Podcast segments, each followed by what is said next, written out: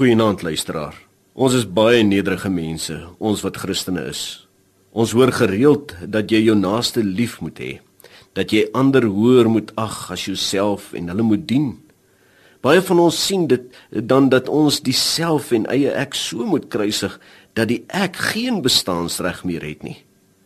Natuurlik moet ons waghou oor die onheilige drieheid wat bestaan uit me, myself and I. Kom ons praat nie oor die hooghartigheid van die mens nie. Maar kom ons praat oor die ander kant wat net so negatief in die Christelike lewe inwerk. Die ander kant is om so nederig te wees dat jou eie menswees nie meer bestaansreg het nie. Jy moet weet dat God jou in hierdie wêreld wil gebruik en daarvoor moet jy in staat wees om dit te kan doen. Toegerus deur God om die skoene aan te trek en 'n verskil te gaan maak.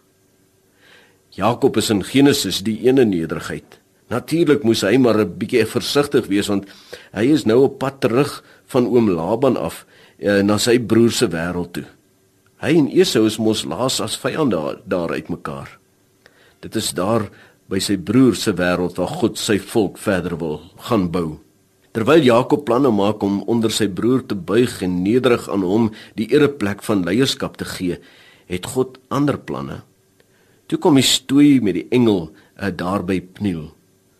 Ons lees hoe die gestoei vroeg die oggend aan sy einde gekom het in Genesis 32 vers 22 tot 26.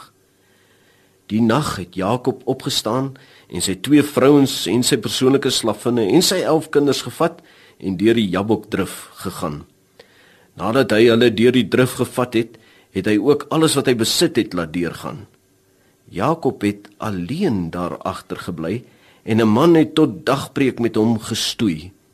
Toe die man agterkom dat hy nie vir Jakob kan wen nie, het die man terwyl hy met hom stoei, Jakob teen 'n heup geslaan sodat dit uit die potjie gespring het.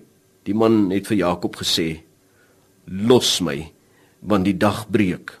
Jakob het geantwoord: "Ek sal jou net los as jy my seën."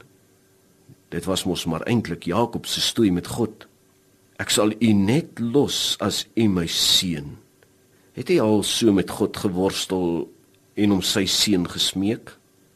Natuurlik nie 'n seun om rykdom nie, maar om met God se seun te lewe en dat hy jou kan gebruik omdat jy toegerus is. Jy mag vra vir God se seun. Jy mag God vasgryp en smeek om sy seun soos Jakob gedoen het. Wanneer God dan seën, kan hy jou gebruik tot sy eer. Smeek hom.